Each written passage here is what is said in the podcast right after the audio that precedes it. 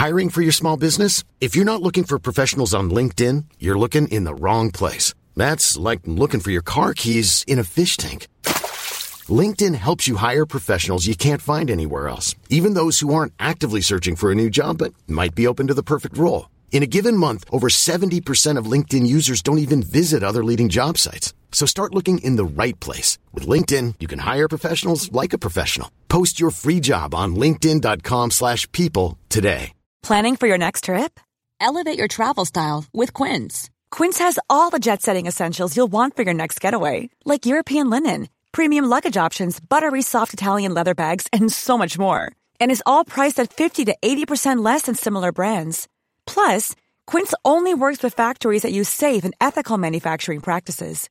Pack your bags with high-quality essentials you'll be wearing for vacations to come with Quince. Go to quince.com slash pack for free shipping and 365-day returns. Mom deserves the best, and there's no better place to shop for Mother's Day than Whole Foods Market. They're your destination for unbeatable savings, from premium gifts to show-stopping flowers and irresistible desserts. Start by saving 33% with Prime on all body care and candles. Then get a 15-stem bunch of tulips for just $9.99 each with Prime. Round out Mom's menu with festive rosé, irresistible berry chantilly cake, and more special treats. Come celebrate Mother's Day at Whole Foods Market.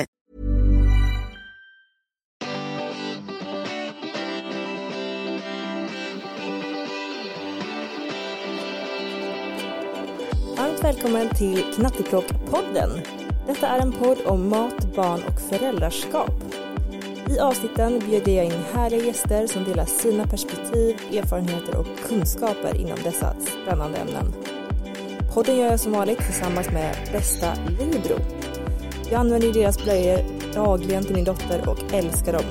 Men det bästa med Libro, förutom deras blöjor, är ändå deras babyklubb.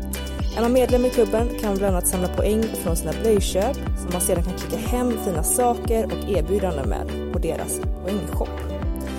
I deras app kan man också läsa om sitt barns utveckling, få information om intressanta ämnen och även göra en fotobok med härliga minnen och foton. Ett tips att skaffa Libro-appen om ni inte redan har den idag. Stort tack till Libro för att ni gör denna podd möjlig. Mamma är missnöjd med sin kropp. Jag ska tycka illa om min kropp. Barnet lär sig att värdera en person utifrån dess utseende. I detta avsnitt har jag bjudit in hälsocoachen och instagramman Amanda Lekland. Amanda är en riktig kämpe när det gäller att inspirera kring både självkärlek och mental hälsa dagligen på hennes Instagramkonto. Amanda har både en socionomutbildning i bagaget och erfarenheter från att ha jobbat på ätstörningsklinik. Nu har hon också öppnat upp för egen coaching för att hjälpa fler att skapa en hälsosam relation till sin kropp, maten och träning. Vi hade ett underbart samtal om allt från ätstörningar och föräldraskap till hur vi kan hjälpa våra barn att få en sund relation till maten och kroppen. Hoppas att ni gillar det. Nu kör vi!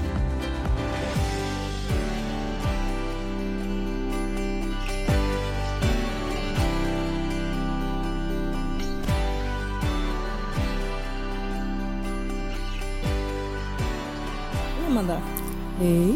Hur mår du? Gud, jag mår bra men eh, jag har ju haft en superstressig, konstig morgon för att eh, ja, jag var ju lite sen här. Ja. Ber hemskt mycket om ursäkt. Det, för Ingen det första är det ju snökaos. Och sen så um, Oliver, min son som är ett och ett halvt, han eh, ville absolut inte till förskolan idag. Och det var verkligen så här, jag skulle ju iväg. Jag känner Eh, av när det är läge att Ja men emot. verkligen. Och det var verkligen så här, jag bad hans pappa, kan du lämna honom för jag måste iväg. Nej men det var bara mamma, liksom. Jag bara, shit. Ja, det slutade med att jag fick stanna hemma med honom en, typ en timme till så fick jag komma sent. Så att eh, det är en bra start. Ja. Ja. Hur mår du? Men jag mår bra. Jag har ju varit ganska så här småsjuk ett tag. Så nu känner jag att jag börjar få livet tillbaka idag. Nej men så idag är det en bra dag helt enkelt. Idag känner jag mig bra. Vad skönt. Ja. Mycket skönt. Kul att du är här också. Många känner nog till dig från din härliga Instagram.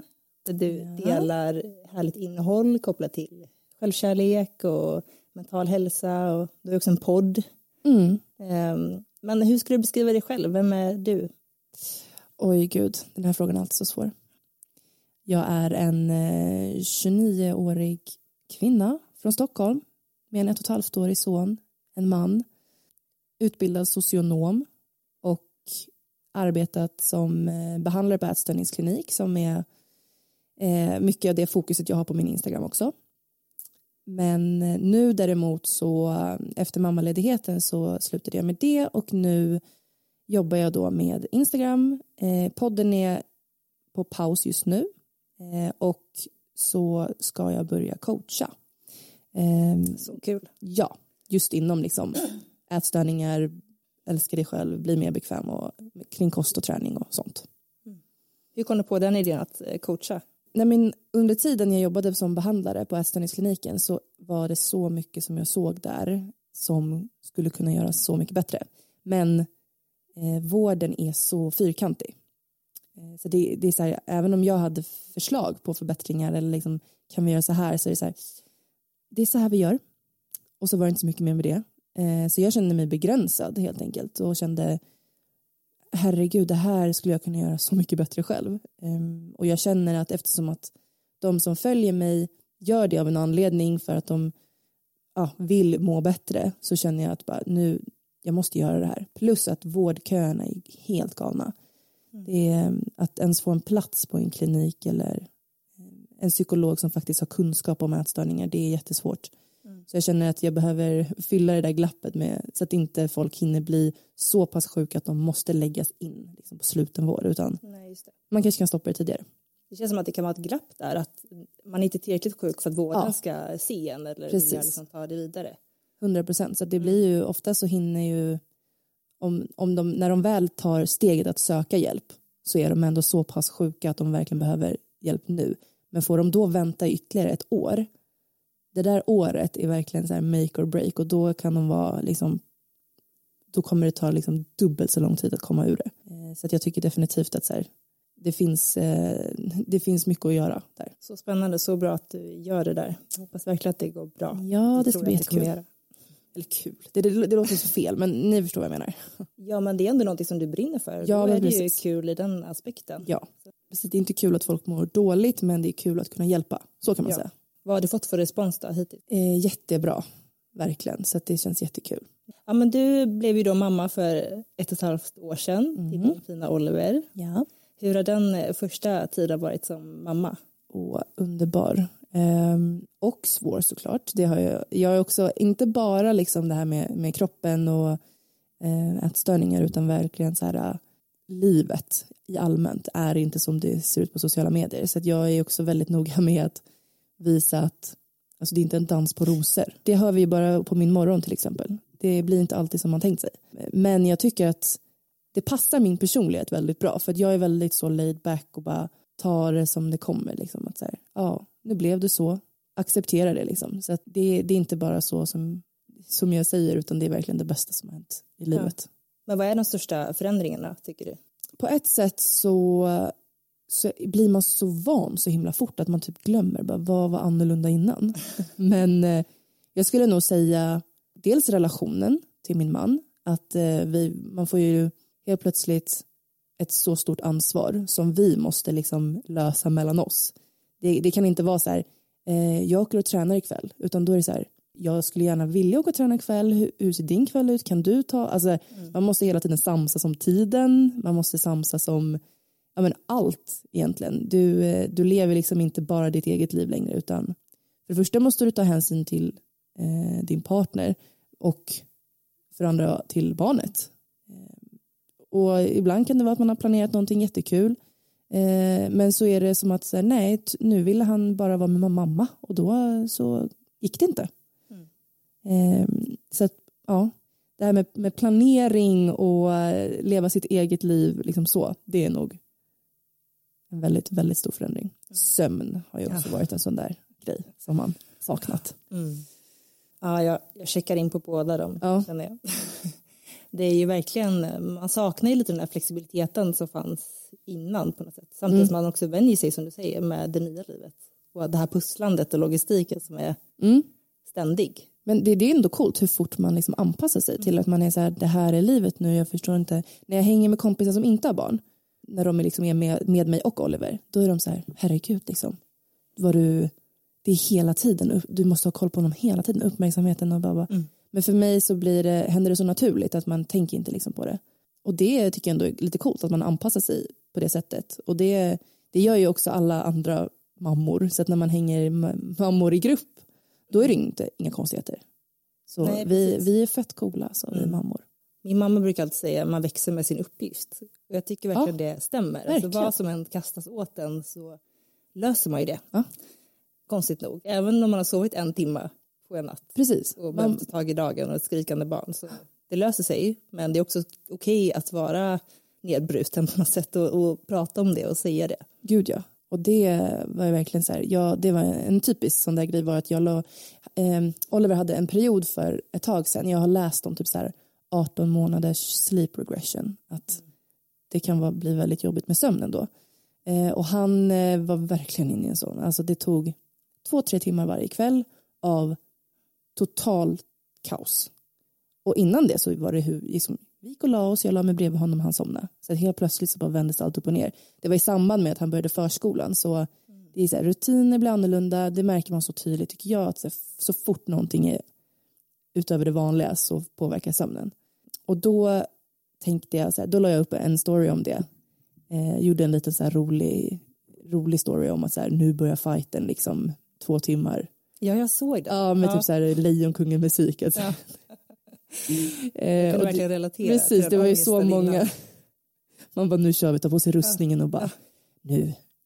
Eh, och det var jättemånga som relaterade, bara gud tack, jag trodde det bara var jag som kämpar. Och bara, Eh, men då var det ju en som skrev, det kanske du också såg, att bara så här, men gud du verkar verkligen hata att vara mamma. Så här, du bara klagar och bara, man bara, nej alltså jag visar verkligheten och det som så många kämpar med, än att man bara skulle vara så här, allting är så bra, det är så, alltså min, min kille är helt perfekt och så här. Så bara, nej men ibland är det liksom, det var typ sex veckor av kaos. Och så här, jag älskar inte honom mindre för det. Jag, liksom, han är fortfarande världens bästa men, men det var kämpigt. Och det måste man få säga. Ja, gud ja. Du som ändå har många följare och liksom att visa den sidan också. Det är nästan, inte ett ansvar skulle jag inte säga, men det är ändå att jag tror många brottas med den här perfekta bilden på Instagram till exempel. Att Gud, ja. visa att det finns andra sidor tror jag är otroligt viktigt. Och Och jag, det, det är ju fantastiskt att ha barn. Det är liksom, ja, precis. det är ju nästan underförstått. Jag tror att det är det kanske också. Exakt. Och det är att så här, nej, det är väl självklart att liksom i hjärtat så ångrar man ju aldrig att man är mamma liksom eller så. Men ibland känner man ju verkligen bara så här, jag klarar inte en sekund till. Och det måste man ju också bara få så här, ta den stunden, gå iväg, lugna ner dig. Så kan det verkligen vara när jag bara säger, nu räcker det. Så bara ge honom till, till min man och bara, nu tar du honom för jag klarar inte av en sekund till. Jag kommer flippa. Men det räcker att man bara får en liten paus då och så är det ju liksom bra sen. Ja.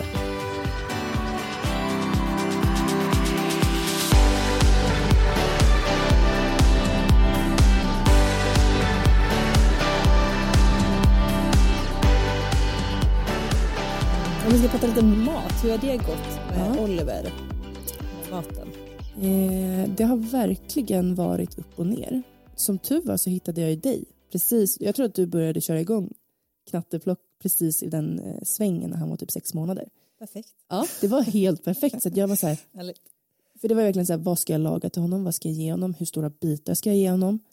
Ingen aning liksom. Eh, googla runt, men att kunna följa liksom så här, perfekt, du lägger ut grejer varje dag. Det var liksom så här, jag bara, oh.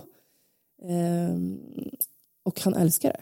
Ja. Så att, eh, Kul. Ja, jättekul. Han har några favoriter. Ja, vad härligt. Ja. Vilken är det då?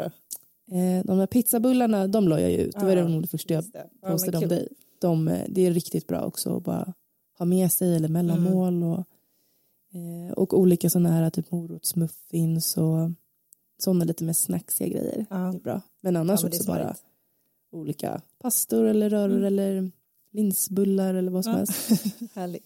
Eh, nej, men Men då var han matglad från början då? Ja, han var jättematglad. Han var supertaggad från att han var fyra månader och smaka på grejer. Mhm, kul. Eh, och han älskade allt. Alltså, allt var jättegott.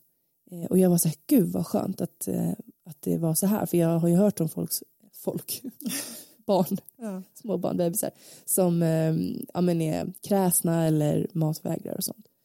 Och sen, eh, sen Mm.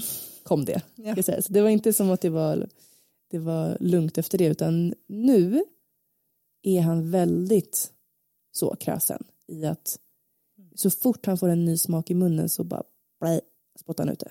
Det spelar ingen roll om han sen tycker att det är gott men han måste bara spotta ut det först. Jag vet inte vad det beror på men eh, och sen grönsaker. Alltså han ratar det. Nej men jag är så här, det, det går inte att få igenom. Gurka har han börjat tugga på nu. Men annars jag måste ju i så fall gömma det i att jag liksom gör några sådana här typ bullar som sagt där man kan liksom mosa ner massa grejer i. Det är inte ovanligt att barn blir lite mer petiga i den åldern. Är det så? Ja, det, Ja. det är ju en ålder där de börjar röra sig mer och på liksom grottmänniskotiden så fanns ju ett syfte i att barn i den åldern faktiskt blev lite mer skeptiska.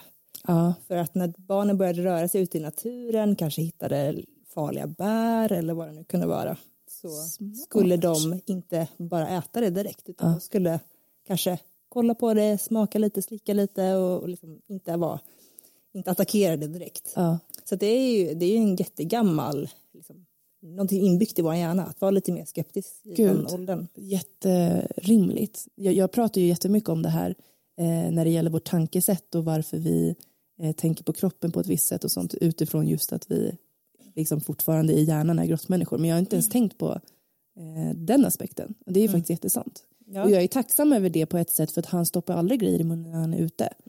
Eh, så jag behöver inte vara rädd på förskolan att han liksom skulle stoppa ett ekollon och få det i halsen eller någonting. Nej. För han skulle aldrig stoppa något i munnen så. Nej men precis, och det är ju jätteviktigt för Ja. säkerheten. Så det är ju bara bra. Men det är såklart att det är väldigt tradigt när man gång på gång försöker eh, ge ny mat eller till och med Ja. gammal mat som de gillat förut. Exakt. Kanske de inte Ja. gillar längre. Så det är jättesvårt. Typ igår när vi, då käkade vi pyttipanna och sen så har han en vitlökssås som han älskar. Så jag, jag körde pyttipannan och så körde jag över vitlökssåsen. Och hela tiden så satt han och bara sås, sås. Jag bara, men du har fått sås. Och så gav jag honom lite till och han bara sås. Och det blev, till slut blev det liksom att han bara grät och bara sås. Jag bara, du har jättemycket sås, det är bara sås nu. Det är också så här orimligt. Man bara, jaha. Alltså, jag måste säga, Bonnie är precis likadan just nu. Nej, är det så? Ja, hon, hon har också en sås som hon älskar. Men jag vet det att det är så mat som, det är också så här, jag gjorde misstaget att köpa en färdig sås Mm. en gång. Och så, hon älskar den. Det är någon så här vitlökssås från Rydbergs eller sånt där. Men det är också en färdig sås från Ja, det Santa Maria. Ja. Och den är ju säkert inte, alltså jag tänkte inte servera den varje dag. Men, men den var jättegod då. så då har jag liksom ibland använt den för att få henne att testa nya saker som jag Mm. vet att hon kanske skulle vara lite skeptisk mot. Och då slutade det med att ställa att hon vill ju bara ha såsen och sen man ska ju ta på så jäkla mycket sås. Så jag, ja, jag förstår såsdilemmat. Ja. Det är just att hon verkligen har lärt sig säga sås också. Bara sås. Och um, det, det kan de säga på förskolan också. Bara, ja, han vill inte riktigt äta. um, Det var typ eh, kött och potatis och så var det bearnaisesås. Eh, han åt fem portioner bea kan man säga. Jag kan bara sleva i sig. Jag bara, ja, okej. Ja, sås är gott helt enkelt. Det tycker jag också. Ja, men jag tror att eh, det där kommer nog eh, ge med sig. De flesta barnen kommer förbi den perioden. Så det blir människor av dem ändå. Ja, precis. Men hur, eftersom att du är så himla duktig på liksom att laga så mycket olika grejer, är Bonnie väldigt liksom, nyfiken till att testa nya grejer? Eller? Ja, hon är ganska van vid att det ligger nya saker på tallriken. Mm. Så, så kan jag väl säga. Så att hon, hon testar väl det mesta. Men eh, hon är också inne i en period där det kan vara väldigt svajigt ibland. Ena dagen äter hon mycket och vill testa mycket och andra dagen inte alls. Så att, eh, jag tror att vi också börjar komma in i den perioden. Den är nog ganska oundviklig. Så. Men eh, hon gillar grönsaker och så fortfarande. Så det hoppas jag håller i sig. Men sen är det så att så fort hon blir sjuk på något sätt, alltså bara lite hostig, eh, tänder, då försvinner aptiten totalt. Ja, samma här, verkligen. Så att, eh, vi får se hur det blir med matglädje. Man hoppas att man ändå lägger en bra grund. Men det är, det är svårt att påverka också. Det är, jag har läst mycket på senaste tiden att det är mycket genetik också som gör det. Men hur, vad betyder det då? Att eh, barn föds med vissa gener och kan ha svårare för vissa konsistenser på mat, svårare att tycka, eh, smaksinnet fungerar olika för vissa barn smakar det jättestarkt. Och det är svårt för som, som vuxen att förstå. Men varför gillar du inte den här saken? Den smakar ju ingenting eller vad det nu kan vara. Men det smakar jättemycket för barnet. Okej. Så sådana saker, hur man upplever mat Mm. är ju också genetiskt och hur, hur läskigt det är med, med nya konsistenser i munnen och sådär. Så att eh, det är väl ett budskap till de som har lite mer petiga barn. Mm. Att, att man inte ska känna dåligt samvete för det är inte alltid så att man kan påverka det själv utan det kan också vara Mm. genetiskt. Och ibland så, jag känner ju också så här, så länge han äter, ehm, ibland om, om man är inne i en period där han är extra kräsen, då får han äta det han tycker är gott så att han får i sig liksom och så får det vara bra. Ja, det tror jag är smart. Ja. Ta bort lite pressen. Exakt. Man kan måste- fortfarande erbjuda ibland något nytt men också det behöver inte vara Nobelmiddag varje dag eller Nej. olika mat varje dag. Eller sådär. Det är ju många som, som tror det ibland. Att, eh, ja. Men innan vi går in på det här spännande ämnet med mat och barn och relationen till mat och kanske sin kropp Mm. också. Hur har din relation till mat sett ut genom åren? Eh, den har ju varit väldigt komplicerad. Eh, vilket är anledningen till att jag jobbar med det jag gör. Ja, sen, eh, sen tidig ålder så har jag alltid varit eh, väldigt matglad så när jag var liten. Men alltid varit väldigt, väldigt eh, ja, men tunn, smal så. Eh, att, de, att jag vet att jag har fått kommentarer på, hos skolsköterskan och, och sådana saker. Vilket gjorde mig medveten om min kropp när jag inte ens var det riktigt så eh, har jag varit i perioder av att börja experimentera med att um, ta bort vissa livsmedel och ja, saker man har hört. Liksom, du vet, så här, ja, nu har man hört att pasta ska man inte äta eh, och- utan att ha någon vidare kunskap. Vilket eh, också blir en, en form av eh, grupptryck i, i skola kring ja, hon tar fem köttbullar då ska jag ta fyra för jag kan inte ta fler än henne. Och liksom till att eh, jag börjar tänka mycket, mycket mer på kroppen em, och få väldigt skeva ideal och skev kroppsuppfattning och em, ja, helt enkelt blev ja, men sjuk skulle jag säga. Eh, När blev det så? Ehm, Jag skulle säga att jag var kanske som mest inne i, i den svängen när jag var mellan 18 och 20. Eh, Men definitivt innan också. Jag har ju hittat gamla dagböcker där jag har skrivit så här, eh, matdagbok och sånt när jag var 12-13 år. Eh, Där jag har liksom ja, jättekonstig relation till mat. Eh, kan jag liksom, vad jag läser där, det, här- det minns jag inte ens. Utan jag bara, men gud. Eh, så att det har ju pågått liksom länge. Eh, och sen eh, under den här perioden så var jag tillsammans med en, en kille som eh, var väldigt så nedtryckande och man skulle se ut på ett speciellt sätt och jag skulle se ut på ett speciellt sätt och. Det, var, det kom väldigt mycket press från honom, från eh, omvärlden, från mig själv. Eh, jag har haft väldigt mycket ångest och min ångest har alltid satt sig i mitt utseende.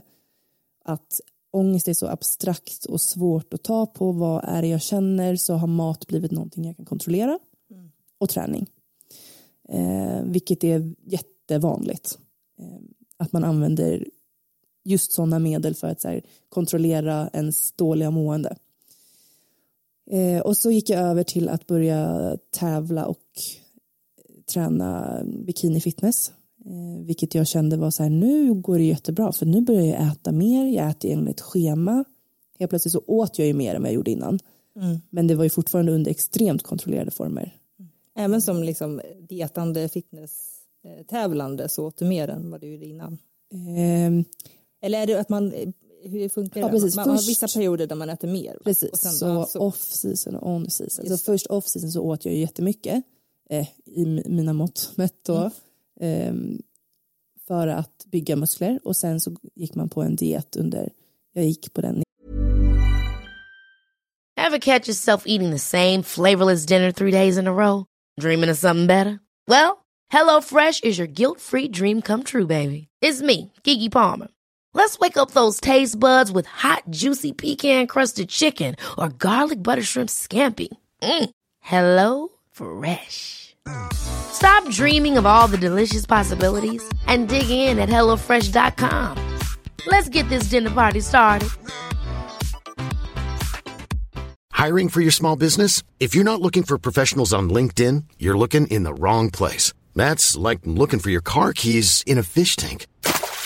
LinkedIn helps you hire professionals you can't find anywhere else, even those who aren't actively searching for a new job but might be open to the perfect role. In a given month, over 70% of LinkedIn users don't even visit other leading job sites. So start looking in the right place. With LinkedIn, you can hire professionals like a professional. Post your free job on linkedin.com slash people today.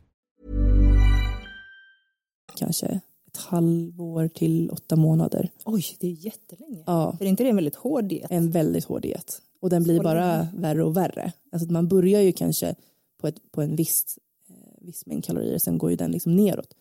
Eh, så att i slutet så var jag en, en vandrande zombie. Alltså jag mådde så dåligt och eh, jag blev så medveten om min kropp. Alltså det, jag trodde ju att så här, nu blir det bättre men eh, helt plötsligt så blev jag medveten om delar av kroppen som jag aldrig ens tittat på förut. Eh, För att det är det som är fokuset när man tävlar i det här. Då ska du stå på en scen och bli bedömd hur du ser ut och då, då tittar de på varje del på kroppen. Om jag tidigare kanske brytt mig om ja, sådana här klassiska grejer om mage eller lår så helt plötsligt så är det ju liksom triceps, biceps, baksida axel, vader, alltså allt på liksom hela kroppen. Ehm, och när, Tänkte du aldrig på det när du gav dig in i det? Att det var så utseendefixerat hela grejen? Eller var det träningen mer som var intressant? Jag tror, jag använder det som en täckmantel, det kan jag säga nu efterhand, eh, att det verkligen var. Jag, jag säger det nu, att det är en socialt accepterad ätstörning att hålla på med sånt. Eh, för det är inte normalt, ett normalt ätbeteende liksom. Eh, Det är väl i alla fall svårt att behålla ett normalt ett beteende. Pre- Eller i alla fall att inte få de här konstiga tankarna Ja. kanske i den här strukturen. 100%. Det är ju jättemånga som, som har det svårt efter. Det speciellt efter, när man släpps liksom fri från det här. Då vet man inte längre. Jag visste inte hur man åt. Jag visste inte hur äter jag utan ett schema. Hur äter jag utan att väga maten? Alltså vad, vad ska jag äta? Hur ska jag äta? När ska jag äta? Man tappar det helt. Ehm, och så kanske man då istället eh, liksom frossar i allt för att eh, kroppen bara skriker efter mat och klart. kolhydrater och liksom sånt. Vilket gör att man proppar maten med maten, man, man proppar kroppen med mat som man kanske inte mår så bra av. Speciellt inte när du liksom har varit så gått på så lite energi och sen helt plötsligt så äter hur mycket som helst. Jag fick ju typ tarmvred, alltså jag hade så ont i magen för att jag åt så mycket efter. Så att ehm, nej, min, min relation med mat blev ju betydligt mycket värre där. Hur var, jag blir lite nyfiken, hur, hur var ditt privatliv när du var på sex månaders diet? Liksom, hur påverkas det sociala? Jag tänker att det är svårt att gå på en middag eller ja, göra något annat som innehåller mat. Så är det ju verkligen. Eh, Jag, jag, jag kunde följa med på om det var någon som fyllde år och jag skulle följa med. Men då åt jag ju ingenting. Eh, För det, det går inte helt enkelt. Man kan inte få den typen av dietmat ute. Eh, För det är så specifikt liksom. Så antingen då så följde jag med och typ drack en Cola Zero eller vatten. Vilket är helt sinnessjukt. Eh, var jag bjuden hem på någon fest då tog jag med mig matlåda eh, och värmde. Så att om alla andra grillar och gris, så här, jag värmer matlåda. Ehm, men sen är man ju också så slut och trött att mycket av det orkar man ju inte. Ehm, jag tränade en till två gånger om dagen och jag pluggade, jag gick socionomutbildningen då. Eh, mycket mer än det här orkade inte jag liksom. Nej, Vilket gör ju att man hela ens liv kretsar kring eh, mat och träning på ett väldigt ohälsosamt sätt. Så ehm, ja, det, det var en lång resa att, att lära sig, liksom lära om sig när, efter att det här var slut. Ja, det förstår jag verkligen. Alltså bara sluta väga, sluta räkna tror jag. Ja. Det känns ju som att det kan vara en utmaning när man väl har kommit in i den snurren. Det är som en, eh, det är verkligen som en snuttefilt. Och eh, det är ett sätt att, att känna ett lugn och att man har kontroll över läget och så. Men egentligen så är det ju det som har kontroll över dig. Det var ju liksom att eh, den där matvågen eller kroppsvågen och, och allt det där, det kontrollerade ju mitt liv. Eh, även om så här, mitt, min hjärna försökte säga att det var jag som kontrollerade maten så. Men Hur, eh, hur tog det dig ur det då? Hur, hur, alltså, för nu hur upplever du din relation till mat idag? Har, har den liksom, är, den, är den frisk idag eller är den sund? ja, Ja. det började med att jag liksom, ja, men, helt naturligt gick upp i vikt efter tävlingen för att en, man kan inte hålla en sån eh, vikt. Eh, och det blev jättesvårt för, för hjärnan att hantera och jag visste inte liksom, hade aldrig varit med om det. Så eh, jag bestämde mig för att tävla igen helt enkelt för att jag bara, nej, jag ville ju tillbaka till det där. Eh, och det var ju min typ av lugn och ro och kontroll på läget liksom. Så att jag bestämde mig för att tävla igen. Efter, efter ungefär fem, sex veckor så avbröt jag för att jag mådde skit.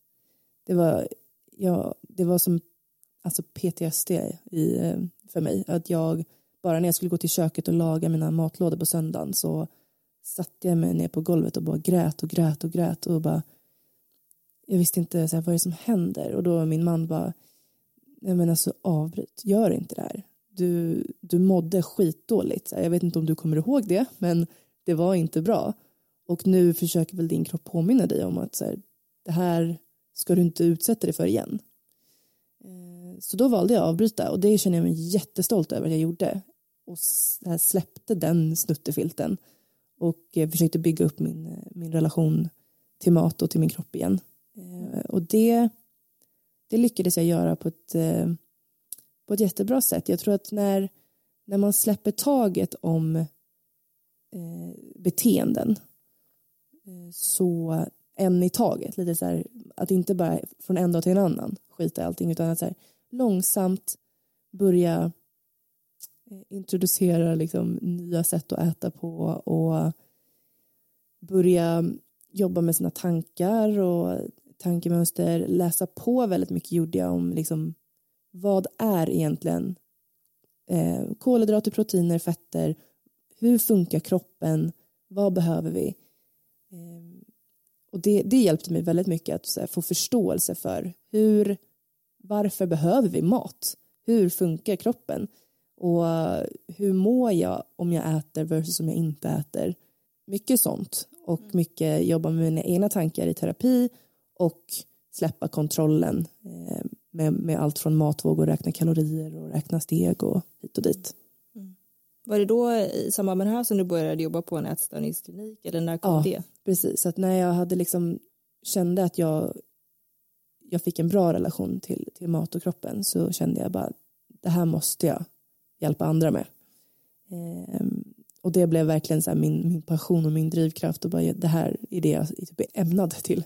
Ehm, och då började jag jobba där och trivdes liksom jättebra med att jobba med just den typen av eh, patienter och den typen av problematik.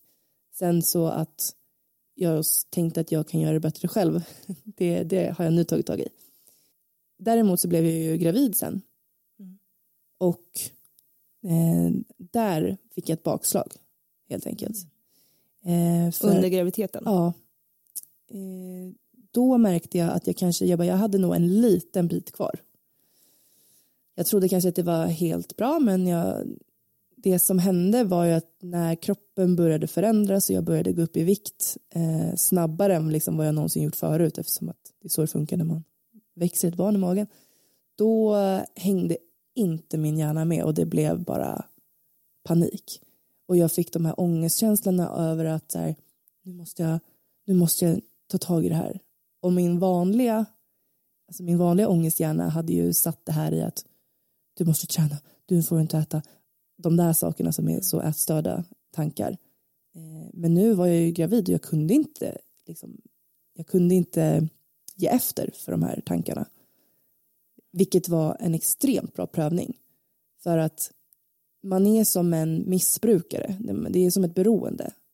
Eh, att det är så starkt det här när det kommer och bara du måste göra så här nu för att annars kommer det gå åt helvete. Liksom. Då, då, då var jag tvungen att, att stå emot det. För att jag, jag kunde inte. Eh, kan inte sluta äta eller så när man är gravid. Så det var verkligen ett tillfälle för mig att då började jag gå i terapi igen under tiden jag var gravid för att eh, få hjälp med att bearbeta tankarna under tiden men också för att hantera eh, tiden efter. Så att det inte bara blev att jag direkt när jag poppade ut ungen och bara nu. Så. Men, Jag eh, tyckte nästan, jag kan verkligen relatera till det där. Det är ju Mm. liksom väldigt speciellt när ens kropp förändras så snabbt. Men jag tyckte nästan det var jobbigast efteråt. För att när jag väl hade Bonnie i magen så var det nästan som att då var jag så här, men nu, jag har ändå ett barn i magen och då ser man ut på ett visst sätt och det är liksom härligt och sådär. Jag kände mig väl aldrig jättevacker som gravid men accepterade det. Men när hon var ute, då var ju bara jag kvar i min kropp. Och så såg den Ja. helt annorlunda ut. Det tyckte jag var lite, alltså det, det förvånar mig att det störde mig ja. så mycket ändå. Vad tror du att, eh, liksom, hur blev det för dig då? Nej, men jag vet att jag, jag har aldrig haft några ätstörda tankar så. Men jag vet att det var första gången i mitt liv där jag kände att jag inte var bekväm med min kropp. Jag är ju väldigt lång. ehm, så jag har känt mig obekväm för att jag har varit lång. Mm. Inte för att jag har varit stor liksom. Mm. Ehm, men, men med tiden, nu älskar jag att vara lång så det är inte så att det var liksom förut när jag var i tonåren. Mm. Men eh, så det var första gången jag kände att jag inte var bekväm med min kropp som den såg ut. Liksom, ja, men, magen och ja, allt vad det innebär. Eh, men eh, jag lärde också mig att tänka så här, men jag har ändå fött ett barn och min kropp har gjort det här fantastiska. Och att jag kan inte förvänta mig att jag ska se ut som jag gjorde innan. Eh, och jag liksom släppte det. Men eh, det tog ändå ett tag att acceptera det. Men det, det tycker jag allmänt har med åldrandet att göra och, och alltså, Mm. att liksom acceptera att man också förändras hela tiden. Man kommer inte se ut som man gjorde när man var 16. Nej, precis. Vilket är helt normalt. Ja. Men, men att du kände så, som inte haft ätstörda tankar, gör det också så tydligt i att typ de allra flesta kanske får de här tankarna eh, efteråt, vilket också be- beror på att vi är uppvuxen i en värld där man ska se ut på ett visst sätt och även de som inte har haft ätstörningar eller haft problem på det sättet så har vi nog alla haft komplex eller haft en bild av hur man ska se ut och eh, ja, på, på något sätt så är vi liksom ett ätstört samhälle mer eller mindre. Jag brukar också säga att de som har genomgått en, liksom en rejäl ätstörningsbehandling och blivit friskförklarade de är friskare än resterande samhälle för att vi är ett ätstört samhälle.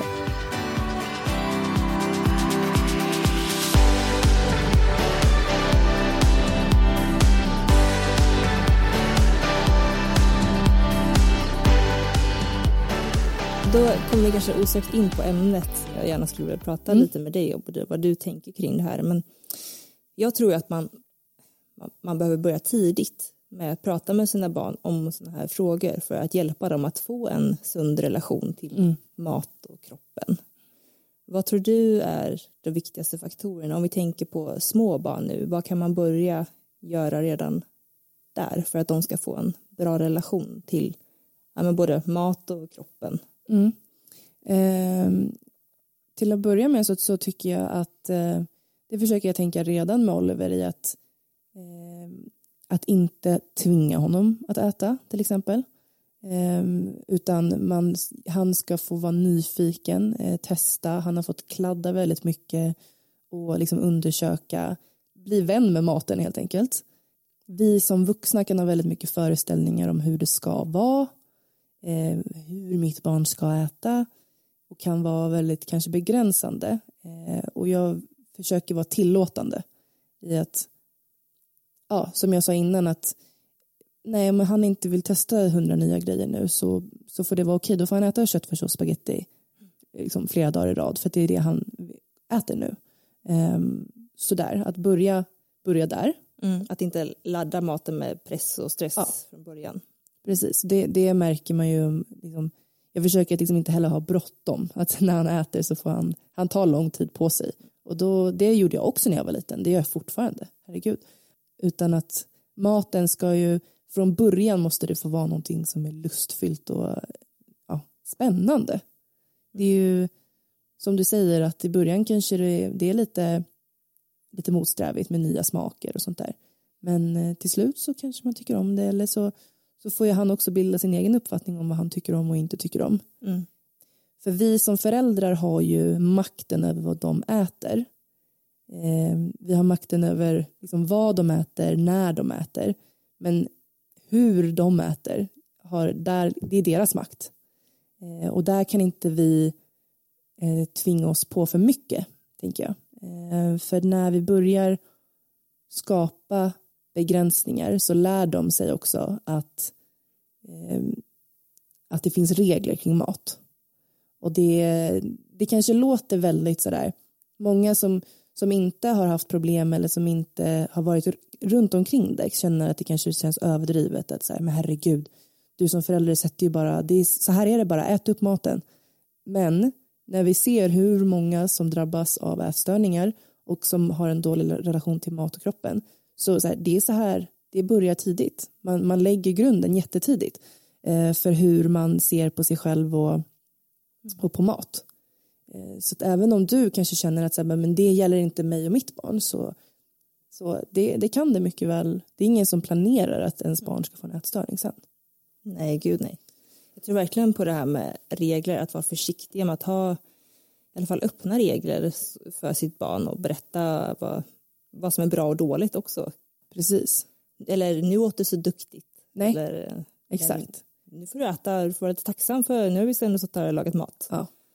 Mycket, jag tror att det är mycket också hur man pratar med barnet om, om maten. Verkligen, och det, så är det i vuxen ålder också kring hur man pratar eh, kring vad som är bra och dåligt. Att åh, nu har jag, jag som sticklade till jobbet, nu kan jag unna mig en bulle. Det här är liksom vardagsgrejer som är ja, men en del av vårt ätstörda samhälle återigen. Och det, det gör vi likadant med barn, som du sa det där, vad duktig du var som åt upp. Då lägger vi också en värdering i vad som är bra och dåligt kring ätande. Och eh, det är kanske också för en person som inte har några som helst eh, ätstörda beteenden kanske tycker att det låter konstigt, men vadå? Det är väl bara att vi uppmuntrar att, den, att barnet äter. Men det ska inte vara, det, behöver, det ska vara neutralt.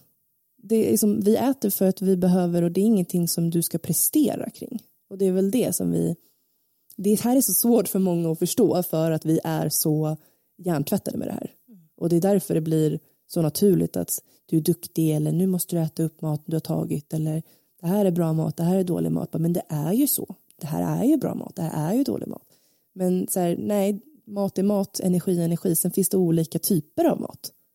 Eh, vissa som ger en viss typ av energi, en annan kanske ger längre energi eller snabbare energi. Men vi behöver inte sätta etiketter på det. Och det, mm, om vi kan undvika att lära barnen de här etiketterna från början så har de en bättre chans att klara sig eh, som vuxna. Mm. Om vi, för det är ju de här etiketterna och det här bra och dåliga, det kommer ju från oss. Det är vi som lär dem det. Absolut, jag tror att det är så lätt också som förälder att man undermedvetet pratar om maten på det sättet. Mm. Jag tror att det är ett jättestort steg att bara göra sig själv medveten om hur man pratar om mat framför Mm. sitt barn. Även med, om man bara pratar med någon annan vuxen kanske om maten. Gud ja.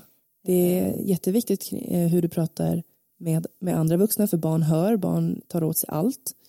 Det märker jag liksom redan på Oliver som är ett och ett halvt att han, eh, han upprepar ord som jag säger som jag inte ens tänkte att han hörde. Alltså så, så, de uppfattas så mycket mer än vad, vad du tror. Och eh, hur du pratar med andra vuxna om mat men också om din egen kropp är jätteviktigt. Det finns jättemånga studier som visar att barns missnöje börjar på grund av att eh, föräldrar har jojobantat eller talat illa om sina kroppar. Att det, de lär sig att eh, mamma är missnöjd med sin kropp. Hon ser ut så. Jag ska tycka illa om min kropp. Det spelar ingen roll om du inte pratar liksom illa om barnet i sig. Du pratar bara om dig själv. Eller kommenterar någon på tv. Bara, Herregud, hur ser hon ut? Den där näsan eller vad det nu kan vara. Barnet lär sig att värdera en person utifrån dens utseende. Ja, det är helt naturligt. Om, om, om man som förälder kritiserar sig själv så kommer Mm. barnet se på sig själv och göra likadant. Ja, precis. Hon kommer ju bara härma dig. Vad, vad gör mamma eller pappa? Jag vet att mina föräldrar har haft en, lite den här jargongen att ja, nu har jag haft det lite för bra här på semestern och ätit Ja. det ena och det andra. Nu får vi hålla igen här när vi kommer hem eller sådär. Precis. Och det är så, de menar inget illa med det och det är så lätt att man säger så. Men vad sänder det för signaler till sina barn när man säger så? Att du får bara äta godsaker minsann vissa tillfällen annars är det fel. Precis. Och det är, det, jag, jag förstår att många kan känna att det låter liksom PK och så här, gud ska man tänka på allting, men någon som har jobbat i, inom vården där, jag kan säga så här, väldigt många unga eh, tjejer, kanske 12-13 år som kommer in. Deras ätstörning började med att de hade godisförbud. Vilket är jättevanligt. Det, du vet att man, man har godisförbud ett år Ja. och så blir du belönad med typ 2000 kronor eller någonting. Eh, och det här, det, jag vet inte, det det är nog... Det är jätteintressant tycker Mm. jag. Alltså, för det är ju så många som har det. Ja, och det är väldigt vanligt. Det är liksom inte bara en eller två som jag har hört det här från utan det är många som och det är helt enkelt för att eh, du, blir, du blir belönad för att hålla dig borta från godis. Godis är dåligt för att du går upp i vikt av godis. Du ska inte göra det. Eh, du, du, liksom, du blir på riktigt belönad med pengar för att du håller dig borta. Egentligen är det lite konstigt. Eh, men sen kan man ju tycka att vadå, men god, det är inte som att godis är något, något bra för kroppen. Eh, nej, men det kanske inte är någonting som är fyllt med näring som, kanske, som du behöver på det sättet men det har en annan funktion också. Det är fortfarande energi, det är fortfarande någonting eh, lustfyllt och gott. Alltså vi, vi äter ju inte bara för att liksom överleva. Eh, utan vi måste ju få lära oss liksom att njuta av olika typer av mat. Att inte det ska vara så laddat. För ju, ju mer vi liksom för, förbjuder oss själva från att äta någonting desto mer attraktivt kommer det bli. Om du säger att nu ska inte du äta godis på 30 dagar, vad tror du att du kommer gå och tänka på i 30 dagar? Och sen när de där 30 dagarna är över, då kommer du äta hur mycket godis som helst. Istället kan du ha ett, liksom, en neutral relation till godis. Att är du sugen på godis en dag, köp lite godis en dag. Sen kommer du kanske inte vara sugen på två veckor. Då äter du inte godis på två veckor. Det behöver liksom inte vara så mer komplicerat än det om vi hade lärt oss det från början. Nu är det ju mer komplicerat än det för att ingen av oss typ har växt upp så. Eh, vilket är till exempel, jag avråder alla föräldrar från att ha godisförbud för sina barn. Eh, för det har jag sett för många gånger. Du börjar också med att ta bort ett livsmedel som, som godis. Eh, och det här får ofta en dominoeffekt. Ofta, ofta. Eh, att man tar bort nästa grej och sen nästa grej. Och sen så när du är också i den åldern 12, 13, 14 du har inte den kunskapen. Du går på vad du får för signaler från de vuxna. Att åh vad duktig du är. Du går från signaler från kompisar. Eh, du kanske vill göra som kompisar. Det är också väldigt smittsamt ätstörningar. Eh, många får en ätstörning på grund av att en klasskompis har det. Eh, för att man lär sig beteenden. Man vill passa in i gruppen, man vill vara som alla andra. Så att ja, Det där med förbud är ju spännande egentligen. För man vill ju bara sitt, sitt barn det bästa. Mm. Eh, Därför så, så begränsar man vissa saker. Men det finns ju forskning som visar på det att barn blir besatt, kan bli besatta av det som man förbjuder. precis. Så det kan ju få motsatt effekt i slutändan. Har det någonsin funkat för oss när vi var små? Liksom? Att, har, har vi inte fått göra bara, du får inte sitta i den stolen. Nej. Vart vill man sitta liksom? Ja. Nej, men. Eh, Men det kan vara en, det är en sån grej som jag brukar vilja eh, säga. Att just det här med förbud mot godisförbud. Just för att jag tror att många inte har tänkt på det som någonting negativt. Nej, det var väldigt intressant. Jag har nog inte tänkt på det. Mm. Man, man kanske bara, antingen har man kanske bara neutrala känslor kring det eller så har man tänkt att det är bra. Eh, men jag vill verkligen varna för att jag som har jobbat inom ätstörningsvården ser att det här är eh, en varningssignal. Hur tänker du med din son? Eh, Har du tänkt igenom det innan, liksom hur du ska prata om dig själv och om mat och om kroppen med honom? För att även fast kanske kvinnor är överrepresenterade bland Mm. liksom, med ätstörningar och så, så är det ju ändå att det, män kan också få det. Ja. Hur, liksom, hur tänker du kring det gentemot Oliver? Eh, ja, men jag tänker definitivt på att eh, eh, aldrig prata eh, om min egen kropp eller om, om, eh, om mat. Nu, nu är han så pass liten än, liksom, men det, det, det tar ju också tid för en själv att komma ur. För att mycket, jag, jag säger, sitter inte här och säger att jag är perfekt och att jag gör allting rätt liksom, med hur man pratar och så. Eh, men det är bra som du, som du också sa, det, att, att bli medveten om. Att man kanske kan komma på sig själv. Oj, nu sa jag nu sa jag sådär bara nej, inte pepparkaka, eller jag, jag vet inte, men att man får komma på sig själv ibland eh, för att öva sig tills dess att barnen faktiskt blir större och förstår. Så att eh, har du ett litet barn just nu, börja öva redan nu på hur du pratar.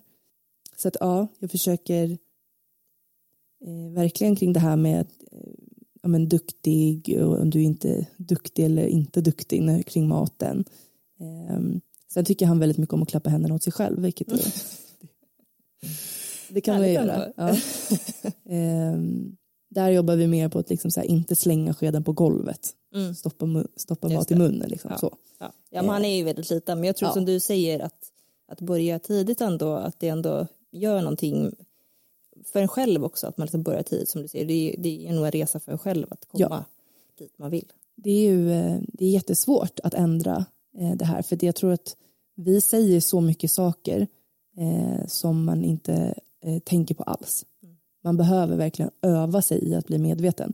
Till exempel så har jag och eh, min man då sagt att så här, jag tror att vi ska sluta säga typ eh, inte springa. Alltså så för att det barnet hör är springa. De kommer inte först- om jag säger inte hoppa, då kommer han hoppa. Eh, försöker liksom att så här, för jag tror att eh, vi gör det svårt för honom eh, genom att säga så. Eh, så då har jag tänkt att så här, vi, vi får nog, eh, vi får nog så här, omformulera oss lite så här. Eh, antingen så här, nej, eh, nej försiktig eller Ja, sitt ner istället för inte stå i Ja, soffan. Mer tvärtom ordet. Ja men precis, så att, så att han förstår. Vi får tänka på att han, han förstår inte så bra ännu liksom. Så att om, om han snappar upp ett ord som han förstår som klättra, då kommer han klättra så. Men det är jättesvårt. För jag säger det hela tiden, bara nej Ja, inte men klättra. herregud, bara, nej, men nu sa jag det igen. Ja. Hela tiden liksom. Så att samma sak gäller ju med det här kring maten och sin kropp. Att även om du bestämmer dig för att jag ska inte prata illa om mig själv. Det är svårt att förändra sånt här. Så att verkligen, har du en bebis eller liksom en toddler nu så börja redan nu och, och notera för dig själv varje gång du säger något sånt där. Kanske till och med skriv ner det i en anteckningsbok för att du ska komma verkligen flytta upp dig i ditt medvetande i att så här, nu sa jag så här om mig själv. Mm. Okej, eh, då, då har du det liksom i, i ditt medvetna så kanske du kommer tänka. Då kommer du kanske också få en lista på grejer som du behöver jobba med hos dig själv. Ja, absolut. Det Ehm. blir oftast en utvecklingsresa för Ja. en själv. Att man inser ganska mycket. Jag själv har börjat tänka på det här mycket också, liksom hur jag pratar om mig själv. Och jag kan vara lite så här om jag typ ser ett foto på mig själv. Mm. Kan jag vara, som när vi skulle ta en bild nu här Ja. innan, jag bara, men herregud, hur ser jag ut? Och så, bara en sån grej att man liksom kritiserar sig själv så fort Mm. man ser sig själv på bild till exempel. Jag vill inte att Bonnie ska ta efter det och bli, liksom, kritisera sig själv. Nej, Inte bara på bilder men allmänt. Och det är en sån grej som verkligen varit hos mig. Alltså jag, jag gillar verkligen inte att se bilder på mig själv. Mm. Men jag ska försöka att inte framför Bonnie Mm. säga alltså att, jag tycker, att jag är missnöjd med en bild. precis. Jag ska vara, Eller- fan vad snygg jag var. Ja. Bara, ah, Ursäkta svordomen. vilken, eh, vilken rolig bild. Alltså Ja, du ja, kan eller säga så. någonting Ja, annat. Alltså, Exakt, snygg kanske man inte ska säga. Det var, men alltså något annat som värdesätter bilden i ett positivt Ja, precis. Eller sätt. vilken härlig, vilken, eh, vilken glad bild. Alltså, ja, ja, precis, vad man- glad jag ser ut. Eller, ja, Mm. exakt. Mm. Nej, men, så det, det är verkligen ett mönster jag märkt hos mig själv som jag inte tänkt på innan men nu har jag börjat tänka på det att det där måste jag Ja, sluta med. oj, oj, oj. Men vi, man är ju verkligen så, så självkritisk. Mm. Och, um, men, men det är också liksom en del av eh, mitt fokus på Instagram i att för det började typ med att jag hade typ tog en bild av mig själv då som jag bara usch liksom. Fy, det här skulle jag aldrig kunna liksom lägga upp någonstans. Och sen dess har jag varit så här, men då är det precis den bilden jag ska lägga ut. För att ju mer man liksom är, är öppen med att säga, ja men så här, jag, jag, vissa bilder blir inte så himla charmiga. Medan andra bilder kanske blir jätte, jättesnygga. Så. Eh, men att inte heller lägga ett värde i att det, det betyder inte att jag är dålig eller att jag är mindre värd. Mm. Ja, men jag tycker det här är ett jättespännande ämne verkligen. Jag tycker det här är verkligen så viktigt att börja tidigt Mm. eh, och uppmärksamma sitt egna tankemönster och hur man, vad man säger högt också. Ja, jag tror att många börjar tänka att nej, men det här gäller tonåringar, det här gäller liksom 13 uppåt. Men eh, nej, de, de lär sig tidigt. Mm. Och det börjar kanske visa sig mer i den åldern. Eh, däremot går det ner i åldrarna väldigt mycket. Jag har haft patienter som är 10 eller 8 år. Ja, så att det, det är, man måste börja tidigt helt enkelt, så är det. Men för att runda av den här podden, har du något mamma-hack du vill dela med dig? Oj. ja, okej, ett mammahack. Det är att när han vägrar saker eh, så ger jag honom alltid två alternativ istället. För då väljer han alltid det ena. Istä- Istället för att bara så här, eh, om, jag, om jag vet att han kommer lugna ner sig om han får nappen men han vägrar. Istället för att bara ta nappen nu så tar jag fram två nappar. Vilken napp vill du ha? Då, då, då, då är det som att han själv bara, okej den där nappen. Ja, men det är ju faktiskt jättebra. Ja, eller när han inte vill gå och lägga sig. Då brukar jag alltid, för han vill alltid lägga sig med mig. Då säger alltid hans pappa, ska pappa gå och lägga dig? Nej mamma! Och då går han och lägger sig med mig. För att han är så rädd att pappa ska lägga honom. Så då... Så det här med ja, men ge två alternativ så att han själv känner att det är hans egen idé. Ja, Så smart. det funkar. Det var ett bra hack. Mm. Det ska jag ta med mig faktiskt. ja, men stort tack Amanda för att du ville Tack med podden. själv. Så härligt. Jättekul att vara här. Tack så mycket. Ha det fint allihopa. Hej. Stort tack för att du lyssnade på detta avsnitt. Hoppas verkligen att du gillade det. Är du nyfiken på Amanda och hennes coaching så finns hon på Instagram med kontonamnet Amanda Lekland. Jag vill också passa på att tipsa om Libros artiklar i både deras app och på deras hemsida. Där kan du fortsätta nörda ner dig i allt som har med barn och föräldraskap att göra. Hoppas att du får en underbar dag. Vi hörs snart igen.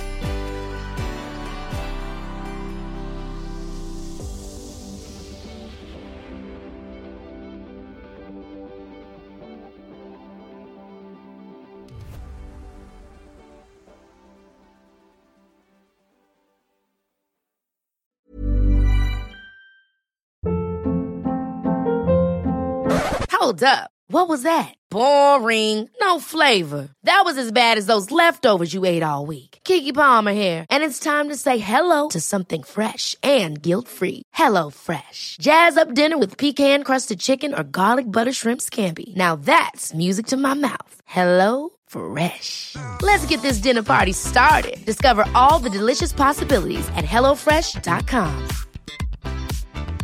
Mom deserves the best, and there's no better place to shop for Mother's Day than Whole Foods Market. They're your destination for unbeatable savings, from premium gifts to show-stopping flowers and irresistible desserts. Start by saving 33% with Prime on all body care and candles. Then get a 15-stem bunch of tulips for just $9.99 each with Prime. Round out Mom's menu with festive rosé, irresistible berry chantilly cake, and more special treats. Come celebrate Mother's Day at Whole Foods Market. Imagine the softest sheets you've ever felt. Now imagine them getting even softer over time. That's what you'll feel with Bowl and Branch's organic cotton sheets. In a recent customer survey, 96% replied that Bowl and Branch sheets get softer with every wash. Start getting your best night's sleep in these sheets that get softer and softer for years to come. Try their sheets with a 30-night guarantee. Plus, get 15% off your first order at bowlandbranch.com. Code BUTTERY. Exclusions apply. See site for details.